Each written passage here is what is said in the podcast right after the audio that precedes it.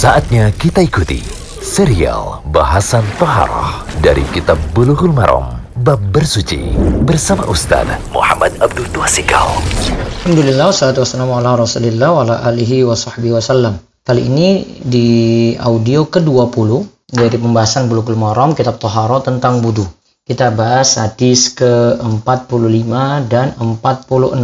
Disebutkan oleh Ibnu Hajar di hadis 45, ini masih tentang perintah mendahulukan yang kanan ketika berwudu. Namun dari hadis Wa an Abi Hurairah radhiyallahu anhu qol qala Rasulullah sallallahu alaihi wasallam idza tawadda'tum fabda'u bima yaminikum akhrajahu al-arba' wa sahahu Ibnu Khuzaimah. Dari Abu Hurairah radhiyallahu anhu ia berkata bahwa Rasulullah sallallahu alaihi wasallam bersabda, "Jika kalian berwudu, hendaklah memulai dengan yang kanan." dikeluarkan oleh yang empat dan disahihkan oleh Ibnu Khuzaimah. Hadis riwayat Abu Daud, Ibnu Majah, Ahmad, Ibnu Khuzaimah, Tirmizi, An-Nasai dalam Al-Kubra. Abdullah Fauzan mengatakan sanad hadis ini sahih dan disahihkan oleh Ibnu Khuzaimah sebagaimana komentar dari Ibnu Hajar. Ada catatan dari Syekh Abdullah Fauzan bahwa kalimat perintah terdapat pada Sunan Abu Daud, Ibnu Majah, Ahmad dan Ibnu Khuzaimah.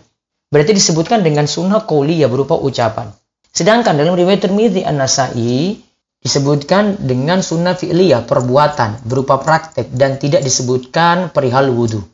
Kesimpulannya berdasarkan perintah berarti sunnah berupa ucapan berdasarkan perintah yaitu sunnah berupa ucapan yaitu sunnah berupa ucapan dan berdasarkan praktek dalam sebagian lafaz disimpulkan secara tekstual bahwa mendahulukan yang kanan dihukumi wajib. Karena berdasarkan kaidah fikih tadi ya. Ini berdasarkan perintah dan praktek. Perintah tadi ya ini sunnah berupa ucapan dari Nabi dan berdasarkan praktek ya. Ini dalam sebagian lapor hadis. Kita bisa simpulkan memang mendulukan kanan ini wajib. Namun pernyataan wajib ini kalah dengan pernyataan ijma. Ibnu Munzir berkata, para ulama sepakat bahwa tidak ada pengulangan jika ada yang mendahulukan yang kiri sebelum yang kanan. Ibnu Qudama rahimahullah juga berkata, tidak wajib berurutan dalam hal kanan dan kiri. Ini dalam wudhu tadi ya. Kami tidak mengetahui adanya perbedaan ulama dalam hal ini. Jadi hukumnya sunnah saja, tidak sampai wajib. Sebagaimana kata Imam Nawawi rahimahullah, para ulama berijma bersepakat bahwa mendahulukan yang kanan di sini dihukumi sunnah bukan wajib. Lihat perkataan-perkataan ini dalam Minha al-Alam fi Syarah Bulughul Maram. Berarti kesimpulannya kanan dan kiri tadi cuma sunnah saja untuk mendahulukan salah satunya. Lalu hadis ke-46 yaitu tentang mencukupkan pada membasuh ubun-ubun berserta imamah, bersama imamah, penutup kepala. Imamah itu artinya penutup kepala. Hadis ke-46. Wa anil Mughirati bin Syu'bah radhiyallahu anhu anna Nabiya sallallahu alaihi wasallam tawaddaa famasaha bi nasiyatihi wa 'alal imamati wal khuffaini akhrajahu Muslimun. Dari Al-Mughirah bin Syu'bah radhiyallahu anhu, Nabi sallallahu alaihi wasallam berwudu lantas mengusap ubun-ubun, ubun-ubun rambut, yaitu rambut bagian depan dan bagian atas sorbannya.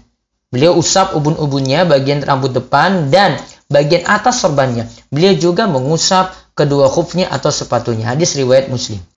Hadis ini dijadikan dalil sebagian ulama bahwa sudah dianggap sah mengusap sebagian kepala, tidak diharuskan mengusap seluruhnya. Nah, Ibnu Qayyim rahimahullah berkata tidak ada satu hadis sahih dari Nabi Shallallahu alaihi wasallam yang menjelaskan bahwa beliau mencukupkan mengusap sebagian kepala saja. Yang ada Nabi Shallallahu alaihi wasallam ketika mengusap ubun-ubunnya itu bagian depan kepala tadi, beliau sempurnakan lagi dengan mengusap imamah, penutup kepalanya. Namun diingat, kalau ini dalam mazhab Syafi'i seperti yang kita dapati ya dari kecil, dalam mazhab Syafi'i wajibnya untuk kepala adalah sebagian. Sedangkan untuk sunnahnya adalah mengusap seluruh kepala itu dari depan tarik sampai ke tengkuk ya. Itu yang diperintahkan sunnahnya. Jadi tentang masalah wajib dan sunnah saja. Ya amannya kita cari yang aman dengan mengusap seluruh kepala saat kita itu berwudu. Mungkin jadi ilmu yang manfaat. Demikian serial bahasan Toharoh dari Kitab Bulughul Maram Bab Bersuci bersama Ustaz Muhammad Abdul Tuasikal.